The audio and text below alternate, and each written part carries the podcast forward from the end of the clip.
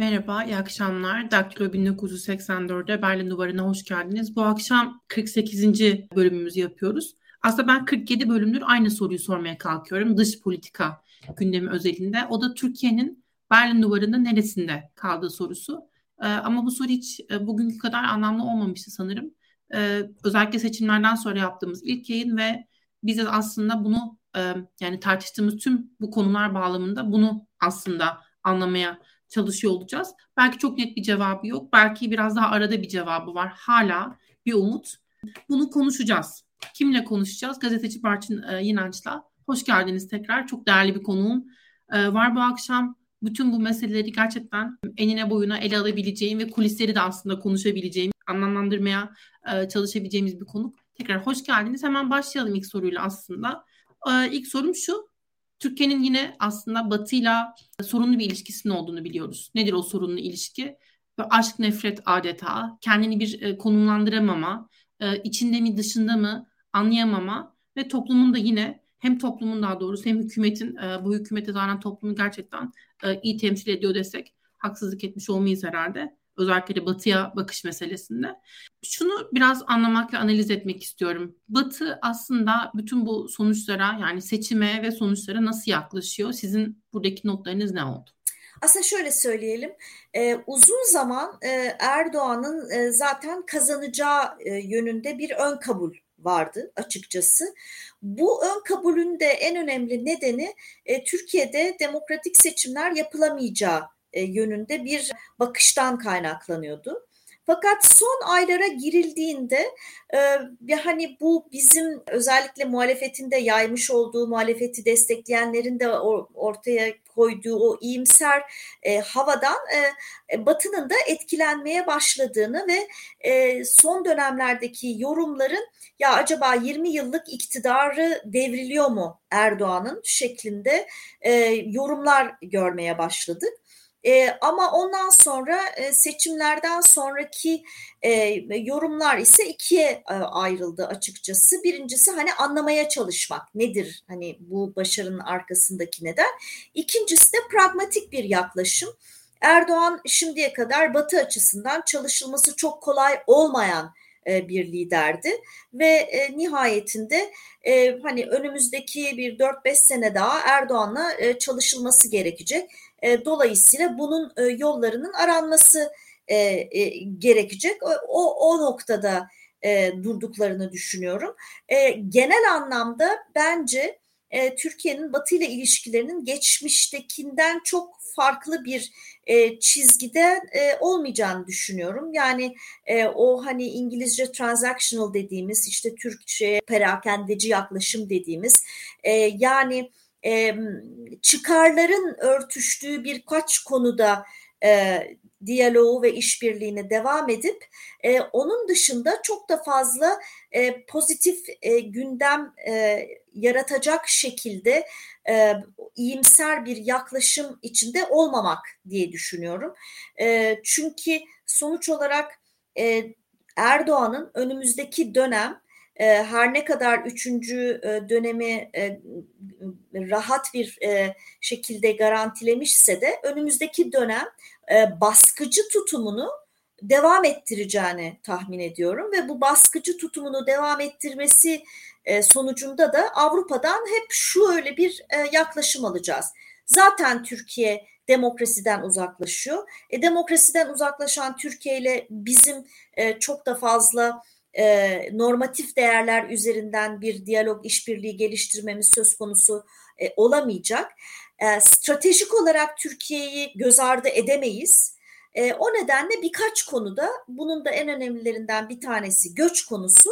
E, bu konuda biz e, e, Erdoğan'la çalışmaya devam ederiz. Geri kalan konularda da aman bizim mümkün olduğunca başımıza ağrıtmasın, e, çok da yolumuza e, çıkmasın gibi bir tavır içinde olacaklar diye düşünüyorum. Çünkü son dönemlerde ne zaman ben herhangi bir Avrupalı üst düzey yetkiliyle karşılaşsam Türkiye dediğimde aa evet Türkiye çok önemli özellikle göç konusu. Yani ne yazık ki e, Erdoğan Türkiye'nin e, stratejik değerini e, göç meselesine indir geçmiş indirgemiş durumda. Halbuki normal şartlarda aynı dilden konuşmayı becerebilse Türkiye Avrupa'yla aslında konuşacağı çok şey var. Yani Kafkaslardan Afrika'ya, e, Rusya'dan e, yeşil e, e, işte iklim değişikliğine e, aslında konuşacağı ve katkıda bulunacağı pek çok e, şey varken Erdoğan'a güvenemedikleri için Erdoğan'la aynı e, dili e, metaforik anlamda kullanıyorum konuşamadıkları için e, daha geniş bir e, alanda e, işbirliği ve diyalog e, zemini arayışına girmiyorlar. Peki bir başka senaryoda özellikle Erdoğan'ın bu yeni hükümet e, yeni hükümetten sonra bu yeni hükümetle birlikte acaba ekonomik e, gerginlik bu ekonomik kriz aslında Türkiye'deki e, ve yatırım çekme e, meselesi ilişkileri etkiler mi? E, acaba burada bir yumuşama olur mu? E, böyle bir yumuşamanın olması acaba Avrupa Birliği üyelik sürecini canlandırır mı? Tabii bunlar çok farazi ama e, bilmiyorum hani böyle bir ihtimali de e, değerlendirmek mümkün olur muydu? Özellikle ekonomik kaygıların e, ilişkilerde farklı sonuçlar yaratabilme ihtimali. Ne, ne, ne dersiniz? Şimdi e, rasyonel olan normal şartlarda Erdoğan'ın ben artık seçimi kazandım. Dolayısıyla e, bu seçimi kazanmak için de bütün hazineyi de boşalttım. E, benim batıdan e, ma, mali kaynağa ihtiyacım var. E, seçimi de kazandığıma göre baskıcı politikaları biraz gevşetip e, biraz daha e, batıya pozitif mesajlar verirsem işte karşı taraftan biraz daha sıcak para yatırım çekebilirim şeklinde bir yola girmesidir. Ama ben e, geçmişte de birkaç yorumda söyledim. Bu rasyonel yöne gitmeyecektir diye düşünüyorum Erdoğan. Neden gitmeyecek? Çünkü bakarsak aslında aradaki fark dört. 4 e, yani 4 puanlık fark Erdoğan gibi liderler için e, rahatlatıcı bir fark değildir. Erdoğan gibi liderler daha geniş fark isterler. Çünkü bu 4 puan çok çabuk kapanabilir. Bu birincisi. İkincisi önümüzde yerel seçimler var ve zaten Erdoğan yerel seçimler için zaten startını verdi. Yani yerel seçim kampanyasını zaten başlattı. Ve seçim gecesi yapmış olduğu e, açıklamaya baktığımızda önce bir böyle üstün körü bir birlikti, dayanışma çağrısında bulundu ama sonra ne yaptı? Direkt Kılıçdaroğlu'nu hedef aldı. Ve bence aslında Kılıç, Kılıçdaroğlu'nu hedef alırken aslında yaptığı şey Kılıçdaroğlu'na destek verenlere psikolojik olarak darbe vurmaya çalıştı. Çünkü e, özellikle büyük şehirlerde İstanbul, Ankara, Mersin gibi, İzmir gibi büyük şehirlerde Erdoğan kaybetti. İstanbul'da kaybetti derken Kılıçdaroğlu onun önündeydi. Üsküdar gibi AK Parti'nin güçlü olduğu semtlerde bile Kılıçdaroğlu Erdoğan'ın önünde çıktı. Peki bunu neye nasıl oldu bu? Bana sorarsanız bu aslında e, CHP ve altılı masanın e, başarısı değildi. Bu aslında hem büyük şehirlerde Erdoğan'dan e, rahatsız olma hali daha fa- fazla ama onun da e, ötesinde çok sayıda e, sivil toplum e, e, temsilcisi partili olmayan ama ben artık parti yani muhalefet partilerine güvenmiyorum benim oylarıma yeterince sahip çıkmıyorlar deyip sandıklarda bir fiil partiler adına görev alan parti üyesi olmadan partiler adına üye olan ya da müşahitlik yapanlar vardı. Ve bence Erdoğan'ı asıl işte bunlar korkutuyor. Kılıçdaroğlu'ndan korkmuyor çünkü e, CHP'nin bana sorarsanız o atıl yapısı, CHP örgütlerinin zayıflığının farkında. Ama bu kez sandıklara giden AK Partili yetkililer karşılarında partili olmayan ama oylarına sahip çıkan bir kitle gördüler. Şimdi Cumhurbaşkanı bu kitlenin yerel seçimlerde aktive olmaması, mobilize olmaması için korku faktörünü, baskı faktörünü canlı tutacaktır. O nedenle de zaten seçim konuşmasında hem bir taraftan Kılıçdaroğlu'nu hedef alarak onu arkasında kümelenen, partili olmadan da kümelenen kişilerin moralini bozmaya çalıştı. Yani siz ne yaparsanız yapın zaten kazanamayacaksınız demeye getirdi. Artı Selahattin Demirtaş'ı hedef aldı. Artı işte LGBT'leri e, hedef aldı. Şimdi böyle bir Erdoğanlı Türkiye'nin Avrupa Birliği ile e, manalı makul bir işbirliğine, diyaloğa e, girebileceğini ben düşünmüyorum. O nedenle de e, e, ben Erdoğan'ın özellikle demokratik e, e, bir rahatlama zaten kendi söyledi. Ben Selahattin Demirtaş hapiste kalacak dedi. E, böyle olduğu sürece de Avrupa Birliği'nden sadece demin de söylediğim gibi birkaç konuda e, işbirliği e, e, imkanı olacaktır. E, işte Mehmet Şimşek'in e, ekonominin başına gelmesi bekleniyor. Ben e, bunun da e, yani geçici olacağını e, 4-5 ay 6 ay sonra Mehmet Şimşek'le yolların da ayrılabileceğini düşünüyorum. Çünkü Mehmet Şimşek gibi bir isim e, ekonomiyi e, düze çıkarabilmek için acı reçetenin kullanılması gerektiğini savunacaktır. E, Cumhurbaşkanı Erdoğan ise yerel seçimlere giderken acı reçete, kemer sıkma politikalarına şiddetle karşı çıkacağı için şimdilik böyle bir 2-3 aylığına nefes aldırabilmek için Mehmet Şimşek opsiyonunu kullanıp bir noktada Mehmet Şimşek'le de yollarını yeniden kullanat modeli çerçevesinde ayırabileceğini düşünüyorum. E, o nedenle de e, yine hani ekonomik e, e, ekonomik nedenlerle bile e, Erdoğan'ın e, Batı'yla daha makul bir e, diyaloğa girişeceğini düşünmüyorum. Batı'da da böyle bir beklentinin olduğunu da düşünmüyorum. Onlar da çok da böyle büyük bir heves içinde değiller. Aman şu Türkiye ile şu bir Afrika'yı daha bir güzel konuşsak. Afrika'da mesela ben Afrika diyorum çünkü mesela en çarpıcı örneklerden biri. Afrika'da şu anda Batı ile Rusya ve Çin arasında büyük bir rekabet yaşanıyor. E, Türkiye'nin de mevcut olduğu bir yer orası ve aslına bakarsanız Avrupa Türkiye gibi bir ülkeyle Çin ve Rusya'ya karşı daha rahat e, rekabet edebilir. Ama işte böyle bunun e, işbirliği yapılmıyor. Balkanlarda mesela Türkiye ile Avrupa çok daha yakın bir diyalog içine girebilir. Ama Fransa gibi bir ülkenin lideri Balkanlarda üç ülke sayıyor. İşte Çin, Rusya ve Türkiye'ye mi bırakacağız Balkanları diyor. E, o nedenle e, sadece ve sadece aman şu göçmen meselesinde Türkiye üzerine düşeni yapsın. Rusya konusunda çok da fazla e, işte dengeyi Rusya lehine e, bozmasın şeklinde bir tavır içinde olacaklar. Türkiye'de zaten ekonomik anlamda da e, beklentisi bence batıdan değil asıl e, Rusya ve Körfez ülkelerinden olacağını görüyorum ben. Tabii ilerleyen zamanda Putin'in e, Erdoğan'a ne kadar daha finanse etme gücünün olduğu, olacağını da göreceğiz. Herhalde oradaki kaynaklar da bir noktada tükenecektir diye bakmak lazım. Bilmiyorum. Zaman gösterecek. Belki o noktada Çin devreye girecek. Aslında burada bir parantez açmak ve şunu söylemek isterim. Yani bu soruyu ben sürekli kendime soruyorum. Sürekli gündeme getiriyorum. Ee, yani bir e, Rusya gibi bir ülkenin lideri tam iki kere doğal gaz ödemelerini erteledi.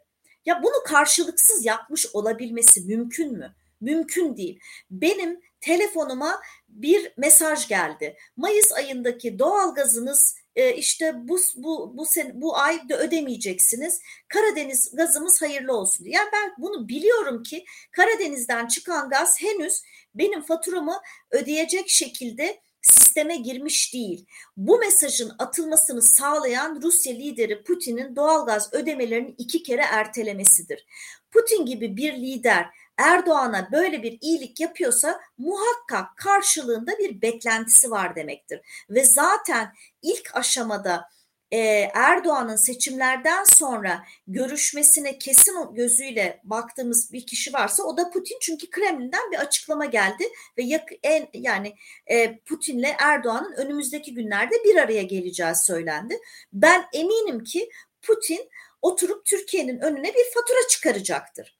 Onun dışında ama hani Putin'in de eh sen benim istediklerimi e, kabul etmezsen ben de sana e, işte e, hemen doğal gaz ödemelerini bir an önce istiyorum yahut da hani öyle bir tavır alacak ki Türkiye'nin ekonomisini batırtacak şekilde bir şey de yap yapmaz diye düşünüyorum. Neden? Çünkü bir anlamda bu iki lider kaderlerini de birbirlerine bağlamış gibiler. Yani hani Putin çok da Türkiye'nin çok aşırı da zora girmesini istemez. Ama bir şekilde ben bunları karşılıksız yapıyorum. Sen al yürü git diyeceğini de zannetmiyorum. O nedenle önümüzdeki dönem perde arkasında bizim yakalamakta, ortaya çıkarmakta çok zorlanacağımız bir takım tavizlerin isteneceğini ve o tavizlerin tabii ne ölçüde karşılanacağını e, e, ortaya çıkaramıyor olmanın da endişesini yaşıyorum.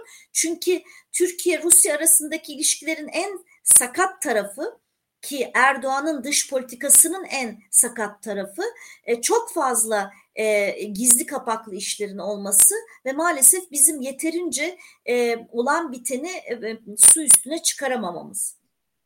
Tam da aslında bununla alakalı. E, sizle yayından önce birazcık konuşmuştuk ve ben e, sizin olmadığınız, internetinizin olmadığı zamanda izleyicilerle konuştum birazcık bunun üzerine çok kısaca belki. O da bu Avrupa Siyasi Topluluğu Toplantısı Zirvesi meselesi. E, Moldova'da yapıldı. İkincisi yapıldı. E, Fransa Cumhurbaşkanı Macron'un aslında fikri olarak ortaya çıktı. Amaç e, Rusya'nın bulunmadığı bir Avrupa platformu oluşturmak ve acaba bunun iler, ilerleyen zamanlarda bir e, ne tür bir e, yapıda olacağını da bilmiyoruz tabii ama bazı e, planlamalar, bazı düşünceler var.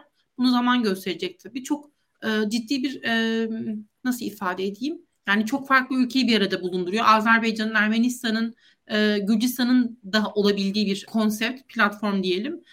E, o, o açıdan e, farklı bir yapı ama Türkiye'de çok bilinmiyor, çok konuşulmuyor ve bu toplantıya Erdoğan da davet edildi. İlkine katılmıştı, e, birincisine katılmıştı ama bu ikinciye katılmadı. Seçimlerden hemen sonraydı. E, böyle bir e, böyle bir durum var, böyle bir durum söz konusu ve bununla ilgili açıkçası çok farklı, çok fazla habere de ulaşabilmek mümkün değil politikadan öğren politikodan öğrendik e, çoğumuz. Özellikle Avrupa Birliği e, meselelerini takip eden herkes çoğunlukla politikadan öğrendi. Sonrasında ben şimdi bir yandan baktım hemen kısa bir arama yaptım internetten. Yeni Şafak e, falan e, böyle takvim gibi e, bazı medyamsı e, kuruluşların haberlerine yansımış. Orada da şu ifade ediliyor. Moldova'da Putin'e karşı gövde gösterisi, gövde gösterisi bir tek Erdoğan katılmadı. Şimdi sizin bu söyledikleriniz üzerinden gidersek belki e, Putin'in acı, reçet, acı, acı reçetesindeki e, ilk sıradaki belki buydu e, ve olmuş oldu. Bilmiyorum ama siz ne dersiniz? Gerçekten önemli bir e, toplantı, önemli bir zirve ve yayından önce konuştuğumuz hususları da belki şimdi siz hatırlatırsanız e, neden Erdoğan için de bir e, güzel görüntü olabileceğini e, ama katılmadı. Sizin buradaki şeyinizle, tahmininizle, düşüncenizle neden katılmamış olabilir? Şimdi bence Erdoğan gibi bir lider e, özellikle de e, işte kendi seçmeni arasında e, Batı karşıtlığını bu kadar alevlendirip kendisini işte Batı'ya karşı kafa tutan, e, Batı'yı dize getiren lider imajının altını bu kadar çizen e, bir lider olarak e, tam da böyle işte seçimlerden önce bence biraz abartarak ve manipüle ederek işte bütün e, e, e, Avrupalı dergilerin kapaklarında işte Erdoğan vardı ve sanki o dergiler Erdoğan'ın gitmesi için yayın yapmış gibi prezente ettiler. Bence bu doğru değildi. Tamamen orada şu söyleniyordu 20. yılında ve hani e, bu sefer hani cidden tahtı sallanabilir mi acaba gibi yorumlar vardı.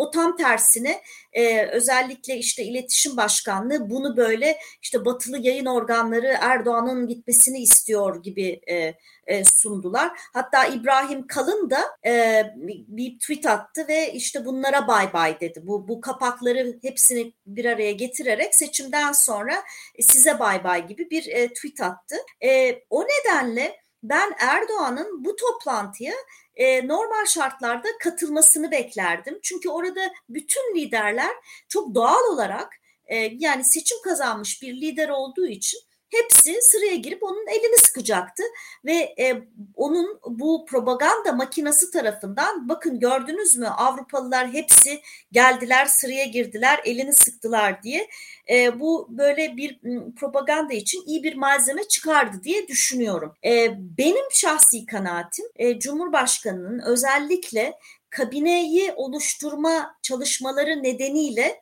e, gitmekten vazgeçtiğini düşünüyorum. Bana gelen bir bilgi e, pazar günü seçimden hemen sonra bir Avrupalı liderle yaptığı telefon konuşmasında Moldova'ya geleceğini söylemiş. Pazartesi günü başka bir Avrupalı liderle konuşmasında ise kabine çalışmaları nedeniyle biraz zorlanabileceğini söylemiş. E, ama bunlar teyitli bilgiler değil ve sizinle de yayından önce konuşurken yani benim 30 sene önce, 20 sene önceki gazetecilik yaparken biz bir şekilde işte Cumhurbaşkanlığına sorardık, Dışişleri'ne sorardık, oraya buraya sorardık ve gerçekten net bir şekilde şu şu şu nedenle gidiyor, şu şu şu nedenle e, gitmesinde zorluk çıktı gibi teyitli bilgiler alabilir. Ama şimdi tek adam rejiminde maalesef artık e, bilgiye ulaşımımız çok zor. O nedenle de bazen e, tahmini olarak götürmek e, zorunda kalıyoruz.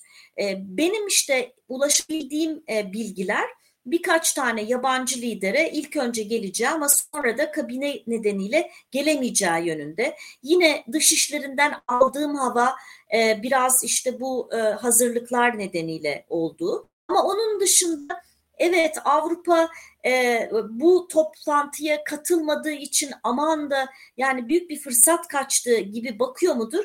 Emin değilim. İşte bir taşla üç kuş vurma gibi bir şey de söz konusu olmuş olabilir. İşte dönüp Putin'e bak gördün mü ben o toplantıya da katılmadım e, diyebilir ama temel e, temel neden olarak benim tahminim Özellikle de Mehmet Şimşek'le görüşmelerinde e, bir müzakere yapıldığını anlıyoruz sızan bilgilerden. Mehmet Şimşek'in ikna edilmesi yahut da Mehmet Şimşek'in şartlarını kabul ettirmek için bir e, görüşme e, süreci yaşandığı için e, gitmemeyi tercih etmiş olabileceğini düşünüyorum açıkçası. Ama hakikaten de çok yani gitmedik. Dolayısıyla biz Avrupa ailesi fotoğrafında yer almadık. Çok da büyük e, bir kayba uğradık şeklinde de bir üzüntünün Ankara'da hissedildiğini hiç zannetmiyorum. Özellikle de AK Parti cenahında. O zaman yine hemen aklıma gelmişken madem Mehmet Şimşek'ten bahsettik. Acaba Mehmet Şimşek şart olarak Avrupa Birliği ile iyi ilişkileri e, koşmuş olabilir mi? Böyle bir şey bekler miyiz mesela? Yani normal şartlarda e, özellikle Mehmet Şimşek gibi bir ismin Avrupa Birliği ile Gümrük Birliği'nin yenilenmesi meselesini e, e, öncelemesini ben beklerim açıkçası. Ama tekrar etmek gerekirse e, ben açıkçası Erdoğan'ın e, Mehmet Şimşek'le e, orta uzun vadede devam etme, etmek isteyeceğini düşünmüyorum. E, o nedenle de e, Şimşek bunu gündeme getirmiş midir bilemiyorum. Çünkü e, gümrük birliğinin güncellenmesi aslında e, hani orta uzun vadede getirisi olacak bir şey olduğu için e, Cumhurbaşkanı bununla ne kadar e, hani ilgilenir e, açıkçası çok emin olamıyorum. E, normal şartlarda sadece ve sadece biz gümrük birliğinin güncellenmesine karar verdik ve önümüzdeki e, dönem bunun e, müzakerelerine başlıyoruz demek bile aslında ekonomi için çok kısa da olsa pozitif bir e, etki yapardı ama dediğim gibi mevcut şartlarda gümrük birliğinin güncellenmesi neden gerçekleşmedi? Özellikle 2016'dan sonra Türkiye'de demokrasinin geriye gitmesinden. Ben demin de dediğim gibi Erdoğan e, bu e, demokratik e, e antidemokratik uygulamalarda bir gevşemeye gideceğini beklemediğim için gümrük birliği güncellemesini de çok gerçekçi göremiyorum. O nedenle hani Şimşek gibi biri evet eminim hani e, e, cesareti olsa belki şu Selahattin Demirtaş'la Osman Kavala da çıksa ne iyi olurdu e, e, demek isterdi belki yani onun kafasında e, onların e, Avrupa İnsan Hakları Mahkemesi kararlarını ihlal ederek hapiste kalmasının ekonomiye de e, iyi yansımadığını düşünüyor olabilecek bir isimdir diye tahmin ediyorum. Ama karşısındaki zihniyetin bu olmadığının artık farkındadır diye tahmin ediyorum açıkçası. Karşındaki derken Erdoğan'a kastediyorum. Yani bir yanıyla da öyle bir liderden bahsediyoruz ki e, böyle bir adım atılsa ne bileyim Demirtaş ya da Kavala serbest bırakılsa e, Erdoğan bunu da e, kendi kitlesine anlatabilirdi herhalde. E, mahkemelerin serbest bıraktığını söylerdi. Kararları kararlara saygı duymadan ifade ederdi ve yine sorun olmazdı. E, bırakmış olurdu. Hani burada da aslında panikleyeceği, kaygı duyacağı bir şey yok. Artık böyle bir ülkede yaşadığımız için e, her şeyi yapabilir ve her şeyi söyleyebilir ve hiçbir sorun olmaz. İnsanlar problem etmezler. E, şimdi o zaman şeye dönelim. Yine Batı ile ilişkileri şekillendiren bir başka nokta ki seçimlerin bitmesi çok bekleniyordu gerçekten. Bunun tekrar e, gündeme gelebilmesi için. O da İsveç'in NATO üyeliği. E, şimdi Türkiye'yi takip eden herkesin aşağı yukarı bileceği üzere bu hükümetin tabii ki bir e, terör e, derdi olduğu için değil, e, başka meseleleri olduğu için İsveç'in üyeliğini engelliyordu. O yüzden şu anda da herhalde İsveç'in üye olmasını görmek pek şaşırtıcı olmayacaktır ama koparabildiği kadar koparabilmek istiyor. Batı'nın sabrı da bir yandan e, tükeniyor benim anladığım. Yani zorlamalar var, e, çeşitli mesajlar veriliyor. Geçen günde e, sanırım e, İsveç Dışişleri Bakanı'nın bir e, Twitter paylaşımında Çavuşoğlu'nun verdiği bir cevap vardı. Siz ne dersiniz Barçın Hanım? Ne, ne tür e, senaryolar e, masada e, İsveç'in NATO üyeliğini bekliyor musunuz? Şimdi iki noktadan başlayayım. Birincisi e, Türkiye'de Erdoğan yönetimde değil de başka bir iktidar yönetimde olsaydı e, Rusya'nın e, Ukrayna'yı e, işte işgal girişiminin akabinde İsveç'in üyeliğinin gündeme gelmesi durumunda ben herhangi bir hükümetin perde arkasında, kamera önünde değil ama perde arkasında İsveç'e gidip bakın e, sizin ülkenizde e, Türkiye aleyhine sürekli çalışan bir takım gruplar var. Bu grupların çok rahat bir şekilde ülkenizde faaliyetinden rahatsızlık duyuyoruz ve bu nedenle de bu ülke, bu gruplar üzerindeki e, kontrolünüzü arttırmanızı istiyoruz. E, aksi takdirde e, üyelik e, sürecinde e, biz e, sıkıntıya gireriz şeklinde e, bir e, talebi olurdu diye düşünüyorum. Yani hangi hükümet olursa olsun e, özellikle İsveç'teki Türkiye aleyhtarı grupların faaliyetleriyle ilgili bir takım talepleri gündeme getirir. Perde arkasında bunun müzakeresine e, girerdi e, noktasındayım açıkçası. Doğrudur Erdoğan e, bunu e, hani Türkiye'nin e, diyelim ki e, bürokrasinin talepleri doğrultusuna değil yine tamamen iç politikaya oynayarak iç politikada puan toplayacak şekilde ve e, hani gizli diplomasi kullanarak değil e, megafon diplomasisi e, kullanarak gerçekleştirdi ve de bu sürecin e, çok daha sıkıntılı bir şekilde gerçekleşmesine e, neden oldu. Ama e, onun dışında önümüzdeki e, bir buçuk aylık e, aşağı yukarı evet bir buçuk aylık bir e, süreç var. E, o süreçte ben yine e, Erdoğan'ın işte böyle ayak sürüyen bir e, tavır içinde olacağı beklentisindeyim. E, ama yine de son anda son anda ben istediklerimi kabul ettirip deyip özellikle zirve sırasında bir e, bir e, e, kabule gideceğini tahmin ediyorum. Ama bunun aslında tercih edileni nedir? Zirveye kalmadan Türkiye'nin bu yeşil ışığını yakması ve zirvenin de İsveç'in üye olduğu bir şekilde toplanmasıdır. Bu şu anda hem batılı başkentler bunu arzu ediyorlar hem de Washington bunu arzu ediyor. Ve sizin de demin çok doğru bir şekilde altını çizdiğiniz üzere ciddi şekilde baskıyı özellikle söylem üzerinden arttırmış durumdalar. Yani seçimlerden önce çok fazla bu konuda açıklama yapmayan Washington özellikle de e, Dışişleri Bakanı Blinken'ın aracılığıyla çok net bir şekilde biz İsveç'in üzerine düşeni yaptığını düşünüyoruz. Bu nedenle de artık İsveç'in üye olması gerektiğini düşünüyoruz diye çok net bir mesaj verdi.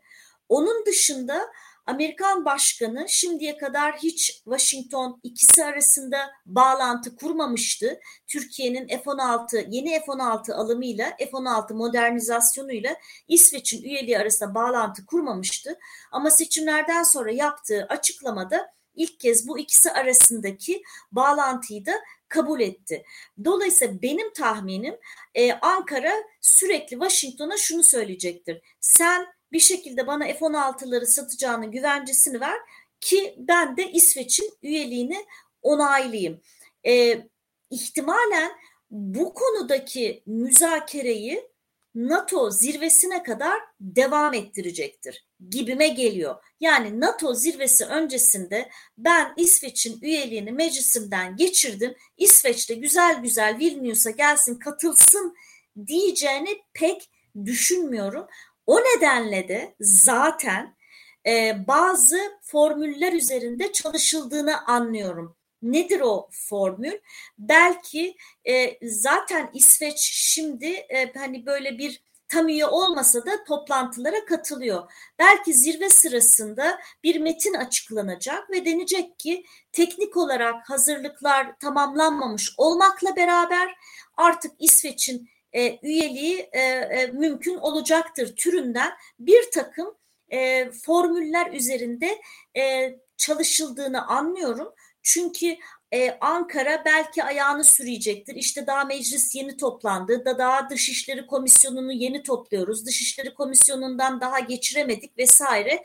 Yani böyle bir teknik bir şekilde meclisten geçirilmeden, meclisten geç geçmemişken NATO zirvesinin olması durumunda ihtimalen NATO zirvesi sırasında bir metin üzerinde anlaşılması söz konusu olunabilir gibi şeyler duyuyorum kulislerde. E, ama hemen şunu da altın çizelim. NATO Genel Sekreteri yarın yemin töreni için Ankara'ya gelecek ve e, tahmin ediyorum Erdoğan'a bir kez daha özellikle zirveden önce e, meclisin e, İsveç'in üyeliğini kabul etmesi için baskı yapacaktır. Ben çok emin değilim bu baskının e, işe yarayacağından. E, dediğim gibi zaten e, kimi beklentiler son ana kadar e, Erdoğan'ın ayak süreceği NATO zirvesinde bir metinin ortaya çıkacağı yönünde de şimdiden bir hazırlık yapıldığını anlıyorum. Burada yine garip olan bir başka noktada Orban'ın e, Erdoğan'la tamamen senkronize biçimde hareket ediyor olması. Yani mesela ben anlamakta güçlük çekiyorum. Macaristan hangi sebeplerle Finlandiya'ya vize verirken İsveç'i durdurmuş oldu. E, garip bir işbirliği modeli geliştirildi orada da. E, zaten bugün Orban'ın açıklamaları da düştü. Evet. E, bilmiyorum siz de denk geldiniz mi? Garip bir işbirliği modeli. Evet. Yani aslına bakarsanız hakikaten şu anlamda çok, çok da e, garip. E, aslında bir tarafta ben Müslümanların e, e, işte e, İslam dünyasının sessiz çoğunluğun sesiyim propagandası yapan bir e, Erdoğan var. Macaristan'da ise hiçbir şekilde ben göçmen istemiyorum, Müslüman göçmenleri de istemiyorum diyen, yani bir nevi İslamofobinin megafonluğunu yapan bir Orban var. Normal şartlarda bu ikisinin aslında çatışıyor olması lazım. Ee, ve bugün görüyoruz ki e, yani tahmin ediyorum e, Hristiyan dinine sahip olduğunu e, zannettiğim bir Orban ben sadece desteklemedim Erdoğan'ın e, kazanması için dualar bile ettim diyen bir Orban var. E, işte zaten tek adam rejimlerinde otokratik yönetimlere kayan liderlerde gördüğümüz bir şey bu. Tutarlı olmamak. İşine geldiğinde e, e, aslında normal şartlarda yan yana durmayacağın kişilerle ideolojik olarak bir tarafta işte Müslümanları temsil ediyorum diyen biri, öteki tarafta zinhar ben Müslüman e, görmek istemiyorum ülkemde diyen iki liderin e, birbirleriyle başka çıkarlar üzerinden yan yana gelebileceklerini ve e, aslında daha önce söyle, söylediklerini yutabileceklerini görüyoruz. Çünkü iki liderin de en önemli ortak özelliklerinden bir tanesi bütün bu Ukrayna-Rusya savaşında mümkün olduğunca tamamıyla Avrupa'nın içinde yer almamak, Rusya'ya biraz daha yakın olmak ve hemen şunu da hatırlatalım. Orban da benzer bir şekilde e, çoklu bir koalisyona karşı seçimlerde gitti Rusya'dan özellikle doğal gaz konusunda bir takım tavizler koparttı ve bu tavizler neticesinde de aslında seçimleri kazanması e, bir nevi mümkün oldu. Yani gerçekten e, bu liderlerin özellikle tam da bu bahsettiğimiz gibi bir tutarlılık e, derdinin olmadığını e, görüyoruz ve biliyoruz. Bu da şeyle alakalı. Aslında toplumun da böyle bir derdinin olmamasıyla alakalı belki. E, toplumun beklediği ya da çoğunluğun toplumlardaki çoğunluğun beklediği e, o liderin, o güvendiği insanın tırnak içinde durumun e, gerektirdiği şartlar içinde tüm manevraları yapabiliyor olması. Benim anladığım ve anlamaya çalıştığım herhalde böyle bir e, perspektif var. Yoksa başka türlü olsaydı herhalde Orban'ın böyle bir açıklamasının Türkiye'de başka bir etkisinin olması gerekirdi. Yani biz aslında bazıları Türkiye belki yanlış okuyor. Hani elinde böyle İslam sancağını almış milyonların bir araya geldiği şeriat isyan milyonların olduğu bir yer gibi değil. Ee, daha farklı bakmak lazım belki. Ki e, hadi Orban'a kadar gitmeye gerek yok. Prag Büyükelçimiz var Egemen Bağış. E, o da zaten bu konuda bence önemli bir done olsa gerek. Diyelim bununla ilgili olarak e, ve e, son olarak belki değinmek isteyeceğimiz konu e, Sayın Çavuşoğlu'nun yemek kitabı e, tanıtımıyla uğraşması e, NATO Dışişleri Bakanı top, Bakanları toplantısına e, katılmak varken sizin oradaki değerlemeniz ne olmuş? Son olarak onu sorayım. E, açıkçası tabii yine biz böyle e, son ana kadar tam a, bilemedik e, e, hani katılıyor mu katılmıyor mu e, vesaire. E, sonradan anladık ki işte yani biraz tweet tweetlerine bakalım e, hani e, dediğim gibi eskiden biz gazeteciler çok rahat bir şekilde e, sorardık ve hani 10 gün sonraki bir ay sonraki programlarını da alırdık ama e, artık o, o anlamda da çok e, kolaylıkla e, kolaylık gösterilmiyor. E, hakikaten e, normal şartlarda e, NATO Dışişleri Bakanları toplantısına e, katılması beklenirdi e, Çavuşoğlu'nun. E, çünkü şunu biliyoruz e, milletvekili olanlar aslında bakan e, yapılmayacaklar. Ama sonradan şöyle bir e, söylenti çıktı. İşte belki e, Çavuşoğlu görevini devam ettirebilir. Hani bir takım istisna yapılabilir Savunma Bakanı için, Dışişleri Bakanı için. E, o nedenle de ben doğrusunu söylemek gerekirse Dışişleri Bakanı Çavuşoğlu'nun biraz e, koltuğunu koruyabilmek için e, Ankara'ya, Beştepe'ye e, yakın durmak istediğini, Türkiye sınırları dışına çıkmak istemediğini e, düşündüm.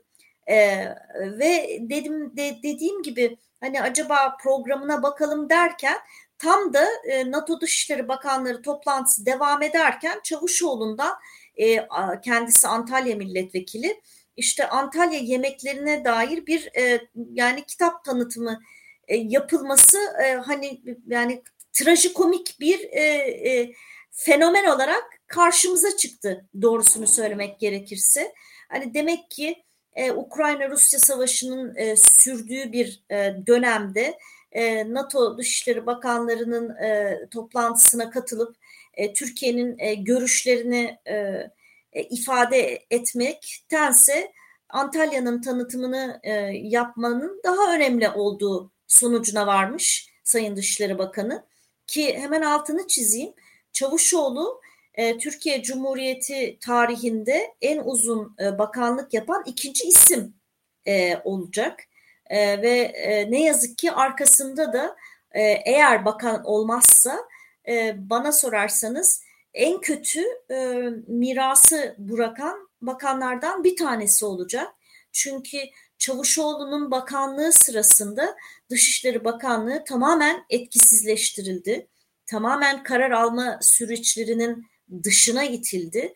Dışişleri Bakanlığı neredeyse hani seyahat acentası gibi e, bakanların e, yurt dışı seyahatlerinin e, programlarını e, yapan e, bir bürokrasiye dönüştürüldü. E, hani eğer e, yarın koltuğunu korumayacaksa e, son icraatlarından biri olarak e, NATO Dışişleri Bakanları toplantısına katılmaktansa e, bir yemek kitabının tanıtımını yapmayı tercih etmesi de e, bırakacağı miras açısından e, hani onun e, e onun önemli bir göstergesi olacak. O mirasın aslında boş bir miras e, ve kıymetli bir miras olmayacağının bir göstergesi olacak bu atmış olduğu tweet hmm. derim ben. Bu yemek kitabı meselesi bana bir başka şeyi hatırlattı. Biz bir başka şeyi daha konuştuk. O da elçiliklerde Hatay'ı, Hatay'daki depremi hatırlamak adına e, kırık tabaklarla servis yapılması. Hatay yemeklerinin kırık tabaklar, kırık e, malzemelerle servis edilmesi meselesi. Aslında bu da elçiliklerin e, nasıl çalıştığı ile ilgili e, yine fikir veren bir başka e, bir başka done e, diyebiliriz. Yani elçilikler e, çeşitli e, işte konsolosluklar Türkiye'nin e, temsilcilikleri çeşitli yemek davetleri veriyor. Baklavalar ikram ediliyor konuklara. İşte içkiler ikram ediliyor. E, herkes güzelce e, Türk yemeklerini e, tadıyorlar. E, ama gel gelelim e, Türkiye'nin önceliği olan meseleleri bir türlü e, sıra gelmiyor. Benim e, kendi gözlemim bu yönde açıkçası. O yüzden de yani e, bakanın bu şekilde davranmasını garipseyemiyorum. Duyduğum, duyduğum kadarıyla bir takım e, büyükelçiler de özellikle Cumhurbaşkanı'nın seçilmiş olmasıyla ilgili bir takım tweetler atmış. Bu da çok e, e, üzücü bir şey. Yani e, çünkü e, e artık e, gerçekten böyle bir parti devlet, devlet parti noktasına gelmiş durumdayız. Ben hiç hatırlamıyorum ki herhangi bir büyükelçi e, geçmişte e, bir parti e, başkanı seçimi kazandı diye e, tebrik mesajı e, atsın. E, onun dışında tabii Çavuşoğlu'nun geçmişten e, bazı vukuatları nedeniyle e, dediğiniz gibi aslında yapmış olduğu şeyler çok da e, yadırgamamız e, söz konusu olabilir. E, e geçmişte kimi zaman bazı e, yıllar 10 Kasım'ların e, mesela e, anılmaması için genelge geçmişliği vardır. Bu zaman zaman rahatsızlık yarattı. E, işte 29 Ekim'lerde içkili davet verilmemesi e, talimatına e, imza atan bakanlardan. Ama bir başka tabii çok daha önemli bir başka konu ise dışişlerini AK Partili komiserlerin AK Partili komiserlere açtı işte bir üç tane bakan yardımcısı var. Bu bakan yardımcılarından bir tanesi AK Partili e, oluyor. Ama onun dışında özellikle personel dairesine ve e, idari birimlere yani paranın, akçeli işlerin yapıldığı birimlerin başına AK Partili e, birilerini getirdi. Yine personelin başına e, AK Partili birisini getirdi. Ve yine bir anekdot olarak şunu anlatayım. Hani bunlar e, küçük anekdotlar ama gerçekten iç parçalayıcı anekdotlar. E, yani bunu ben bir akademisyen e, profesör hocamızdan duydum. Bir öğrencisi Dışişleri Bakanlığı'nı sınavına kazanıp girmiş. Fakat işte birkaç ay sonra kendisine işte gezi olaylarında atmış olduğu tweetler gösterilip baskı kurulmuş istifa etmesi için. E, o da e, bir süre sonra e, işte buna dayanamayıp istifa etmiş. Yani bizler böyle e, ben hani 90 yılından beri Türk dış politikasını hani Dışişleri Bakanlığı'nı Ankara'dayken takip ediyordum. E, tabii ki bizim başladığımız dönemde tweetler, e, Twitter vesaire yoktu ama e, böylesine bir e, hani baskı e, olayı da yoktu e, açıkçası. Herkesin e, artık yaptıklarına değil, e, liyakata değil, e, neredeyse attıkları tweet üzerinden bir sicil oluşturulmaya başlandı. Ben eminim eski kuşaklardan geriye kalanlar bakanlıkta eğer Çavuşoğlu devam ederse çok mutsuz olacaklarını düşünüyorum. Mevcut iktidarın e, devamının da e, kimi kadrolarda büyük e, huzursuzluk ve mutsuzluk yarattığını da tahmin ediyorum.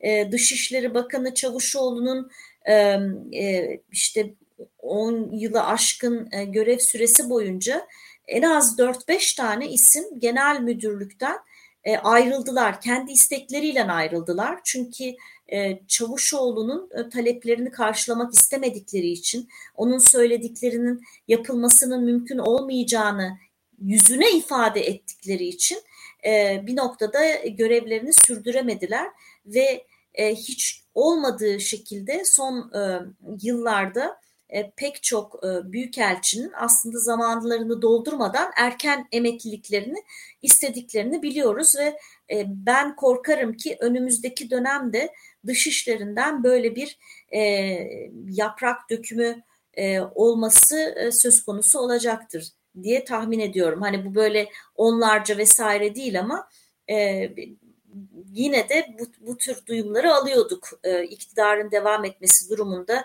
e, bazı e, kişilerin çok da bakanlıkla devam etmeyi arzulamayacağı yönünde.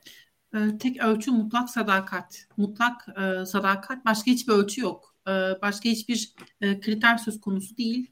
Buna sahip olanların bir şekilde görevlendirme aldığını hatta eskiden olan düşüncelerinin de bir ifade etmediği yani bir, bir anlamının olmadığı şu an mutlak sadakatle bağlı olan herkes için aslında bu kapıların açık olduğunu e, görüyor ve anlıyoruz. Ama tabii burada da rekabet başlayacaktır yeni dönemle. Çünkü o kadar çok e, kadro, o kadar çok e, şey var ki e, bu yani bu opsiyonlar o kadar fazla ki e, yeter ki siz sadakatinizi belli edin. O zaman sizin için e, bir şeyler yaratılması için e, çaba sarf ediliyor. Ama tabii bunda bir sonu vardır en nihayetinde ne kadar fazla olursa olsun. O zaman da çatışmalar başlar herhalde diye düşünüyorum. Onlar da kendi aralarında çözeceklerdir. Şimdi en çok konuşulanlardan bir tanesi milli görüşçüler mi yerleşsin, MHP kökenliler mi yerleşsin gibi. Yazık bir hal tabii. E, yargıda bu tartışmalar çoktan bitti. Oralar tarikatlara teslim edildi zaten. İşte hak yoldur, şudur budur vesaire.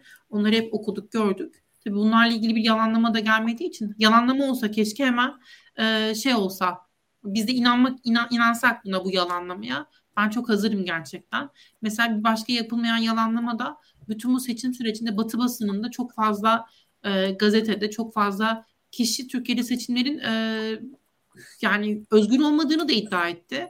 Bu doğru değil de elbette. Adil olmadığını hep konuşuyoruz zaten ama özgür olmadığı ile ilgili e, ifadelerin kullanılmasına karşılık bununla ilgili açıklamaların yapılmaması da gerçekten düşündürücü e, ve bu sadece erkeklerin kendi başına altından kalkabileceği bir şey de değil. Dışişleri Bakanlığı'ndan yapılacak üst düzey bir açıklama çok değerli olurdu gerçekten. Çünkü bu sefer e, siz Türkiye'de gerçekten e, herhangi bir demokrasinin kırıntısı bile olduğunu açıklayamıyorsunuz. E, kimileri Erdoğan'ın %75'lerle, %80'lerle e, seçimleri kazandığını, seçimlerin tiyatro olduğunu iddia ediyor. Bir cevap vereceğiniz bir cevap olmuyor. Çünkü bir yalanlama yok. E, çok yazık gerçekten. Diye ben aslında eğer vaktimiz varsa iki noktayla e, e, iki noktanın altını çizmek isterim. E, şimdi aslında zaman zaman e, geçmiş kadrolar neden hala iktidarları hizmet ediyor e, gibi eleştiriler e, oluyor. Yani işte e, istifa etmeleri gerekir diye. E, burada ikiye ayrılıyor görüşler. Bir grup işte diyor ki işte istifa etmeliler, bu iktidara hizmet etmemeliler diye. E, bir diğer grup ise e, şunu söylüyor e, yani geçmişten gelen bir kısım kadronun da orada kalıp aslında biraz da cepheyi tutması, yaşananlara da e, şahitlik edip e, not tutması da gerekiyor diye düşünüyorum bir taraftan. E, ama tabii ki sonuç olarak günün sonunda bu bir kişisel e, tahammül oranınız nedir? Yani ne ölçüde siz mobbinge tahammül edebilirsiniz? O orada kişisel e, mesele devreye giriyor. Yani bir bakanın e, çünkü mevcut bakanın gerçekten e, kendi kadrolarıyla son derece kaba konuştuğu hatta yani e, küfürlere varan bir e, hitabet içinde e, olduğu söyleniyor.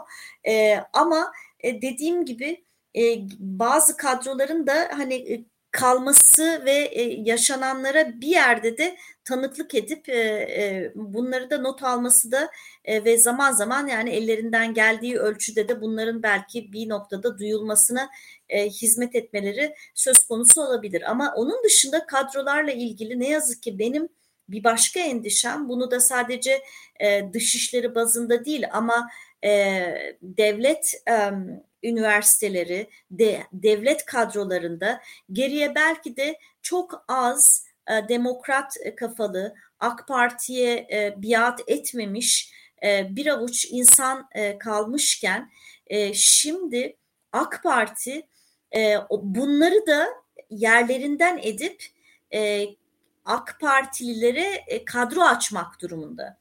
Yani devletteki mevcut kadroların üstüne yeni kadro getiremeyeceği için devlette kendine tam anlamıyla biat etmediğini bildiği bir takım isimleri püskürtüp onların yerine yeni gelmekte olan AK Partilileri yerleştirecektir. Çünkü sonuç olarak bugün baktığımızda seçimleri kim kazandırdı? Anadolu'daki seçmen kazandırdı. Şimdi Anadolu'daki üniversitelerden mezun olan e, pek çok AK Partili ailenin e, çocuğuna e, bu kadrolarda yer verilmesi gerekecek. E, ekstra kadro açılamayacağı için de işte bu e, e, işte daha demokrat e, kafalı olan, daha biat kültürüne yatkın olmayan, geride kalmış bir avuç insanın e, işte tırnak içinde kazınıp e, belki de işte bu Anadolu'dan gelen yeni mezunlar, e, işte e, AK Parti'ye oy vermiş seçmen kitlesinin e, çocuklarına yer açmak için e, yine böyle kadro hareketleri e, yapılacaktır diye bir e, endişem var ve bu hakikaten e, yine bir noktada ülkenin e, giderek daha yönetilmez hale gelmesinde de rol oynayacaktır. Çünkü zaten o belki de o liyakatli bir avuç insan biraz daha ülkenin daha ayakta kalmasını sağlıyordu ama onlara da önümüzdeki dönem ne yazık ki kapı gösterilebilir diye düşünüyorum. Göreceğiz ilerleyen zamanlarda ama ben de bilmiyorum doğrusunun ne olduğunu evet. gerçekten. E, kimi zaman kalmaları ve belki bir şekilde kendi perspektiflerini ortaya koyabilmeleri, demokratik bir zemini ve Türkiye'nin çıkarlarını önceleyen bir e, çerçevede kendilerini ifade ediyor olmaları değerli belki. Ama bu hükümetin e, politikaları bu kadar açıkken nasıl bir etki yaratırlar? Bu da bir soru işareti bir yanıyla. E, kimi zaman da burada tabii kişisel e, meselelerin de rol oynayabileceğini tahmin etmek zor olmasa gerek. Ama herhalde çok kolay bir cevabı yok bir yanıyla da. Ben de bilmiyorum açıkçası. Evet e, ama hani şöyle yine de bir pozitif notla bitirmek e, istiyorum. Zamanımız daralıyor e, zannederim değil mi? E, ben açıkçası e, bu seçimlerde e, özellikle e, partili olmayan çok sayıda e, kişinin yani neredeyse binlerce kişinin e, aslında muhalefet partilerine güvenmeyip e, kendilerinin bizatihi sandıklara gidip sandıklarda görev almış olmasının çok kıymetli olduğunu düşünüyorum. Ve daha önce de söylediğim gibi belki onlar bu görevi yapmasalardı aradaki 4 puan belki daha fazla olabilirdi. E, ve özellikle büyük şehirlerde e, Kemal Kılıçdaroğlu'nun Erdoğan'ın önünde çıkmış olması bu e, bu sivil kadroların, bu gönüllülerin e, sayesinde olduğunu düşünüyorum. İşte önümüzdeki dönemin bence en büyük e, sınaması demeyeyim de en büyük e, meselesi e, seçim günü mobilize olan e, bu e, sivillerin önümüzdeki dönem e, nasıl e, e, yerel seçimlere giden süreçte aktif rol oynaması e, sadece seçim günü değil ama seçimlere giden süreçte de e, mobilize etmenin yollarını nasıl bul, bulabiliriz? E, bence e, önümüzdeki dönemin bana bana göre en önemli e, konularından bir tanesi bu olacaktır diye düşünüyorum. Valla yani özellikle ana muhalefet partisinden e, iki önemli ismin yaptığı açıklamalar birbiriyle çelişen pardon birbirini destekleyen ama bir yanıyla da bir başkasının çelişen bir açıklaması var. Sandık güvenliği meselesiyle ilgili. Sandıkların bazılarının sonuçları etki edecek şekilde korunamadığını e, söyledi. Ali Bey olsa, Ali Öztunç yanlış hatırlamıyorsam, yanlış hatırlıyor olabilirim ismini. Ee, Onursal Adıgüzel'in yine bunu doğrulayan bir açıklaması var. Bunlara tezat bir başka açıklama daha yapıldı. Onun kimden geldiğini hatırlamıyorum. Ee, bu şartlar altında gönüllülük esaslı sandık koruma meselesi nasıl olur bilmiyorum. Bu sorumlular e, hesap vermeden herhalde. Yani e, bu gönüllülere hesap vermeden gerçekten nasıl yaparlar bilmiyorum. Hak ederler mi onu da bilmiyorum. Çünkü meclisten bugün gelen fotoğraflara baktığımızda sanki hiçbir şey olmamış gibi. Muhalefet e, partilerine mensup vekillerin güler yüzlerle e, sandalyelerine oturduklarını, oda kavgalarının e, bir takım oda kavgalarının yapıldığını. Tabii oda kavgası belki orada şey değil, e, doğru bir bilgi olmayabilir ama yine de e, ne kadar dünyevi tartışmalarla e, heyecan içinde olmaları, oldukları meselesi bence çok üzücü ve kargı verici. E, bu noktadan sonra da kimseden e, gönüllü olarak sandıkta beklemesini e, isteyebilirler mi e, diye soruyorum. İsterler, niye istemesinler? Çünkü eğer onlara ama mesele ama mesele onların istemesi değil zaten. Onlar istedi diye gönüllüler gitmediler. Tam tersine gönüllüler onlara rağmen gittiler. Ve mesela benim sandık e, gözlemcilerinden duyduğum e, hani neredeyse CHP örgütlerinin e, onlara taş koyduğu yani bir, bir nevi gönüllülerin hani e, CHP'nin örgütlerine rağmen bir takım şeyler yaptığı hatta örgütlerin açmış olduğu boşluğu doldurması. İşte burada mesele o. E, burada olay muhalefet partilerinin çağrısı değil tam tersine sivillerin kendi inisiyatif alıp bir noktada işte muhalefet partilerindeki o dönüşümü zorlamaları e, e, gerekiyor inisiyatif alıp e, keşke o yapılabilse. Bütün bu süreçte mesela beni en çok üzen haberlerden biri T24'te yayınlandı. Ee, işte Onursal Adigüzel'in ismi elbette tartışmalıdır.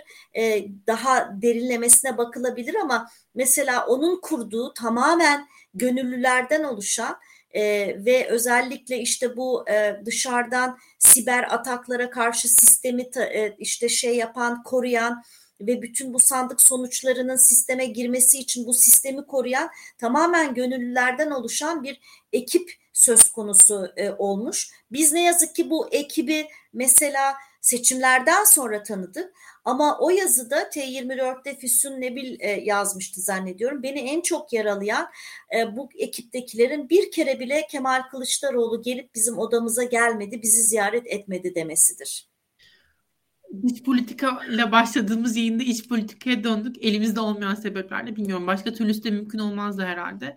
Bilmiyorum konuşacak o kadar çok şey var ki, dertlenecek o kadar çok şey var ki bununla ilgili. Yani seçimin sonuçlarından da bağımsız bu bu özverilerin hiç karşılık bulamaması meselesi. Twitter'da yine okuduğumuz o e, seriler işte yazmışlar yani bütün gün bekledik e, yemek hani bile verilmedi. Onun bile organizasyonunun yapılmadığını söyleyen insanlar e, karşı taraf olsa ne kadar örgütlü e, ilerledi. Ama bütün bunlara rağmen ben bahsettiğiniz şey kesinlikle anladım ana fikrini. Yani bu gönüllülüğün ve bu isteğin aslında bu değişim arzusunun ne kadar güçlü olduğu meselesi.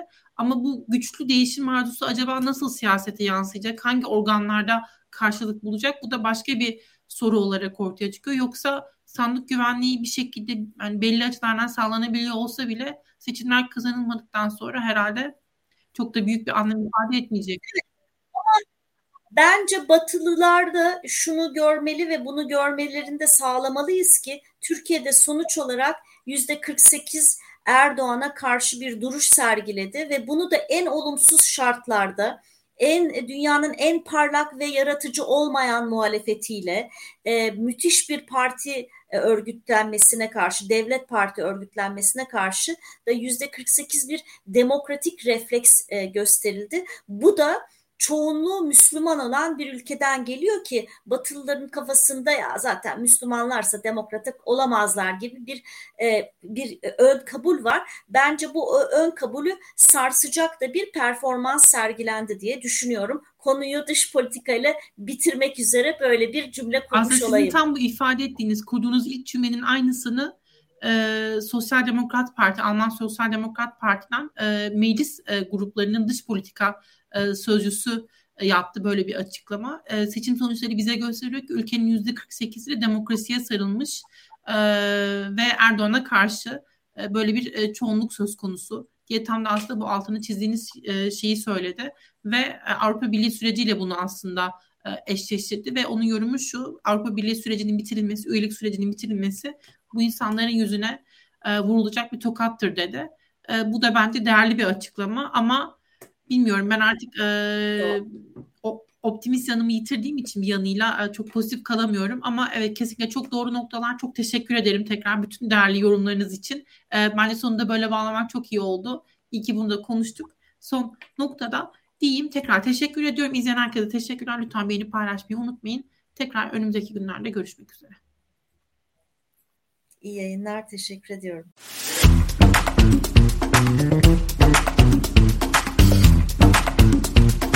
Música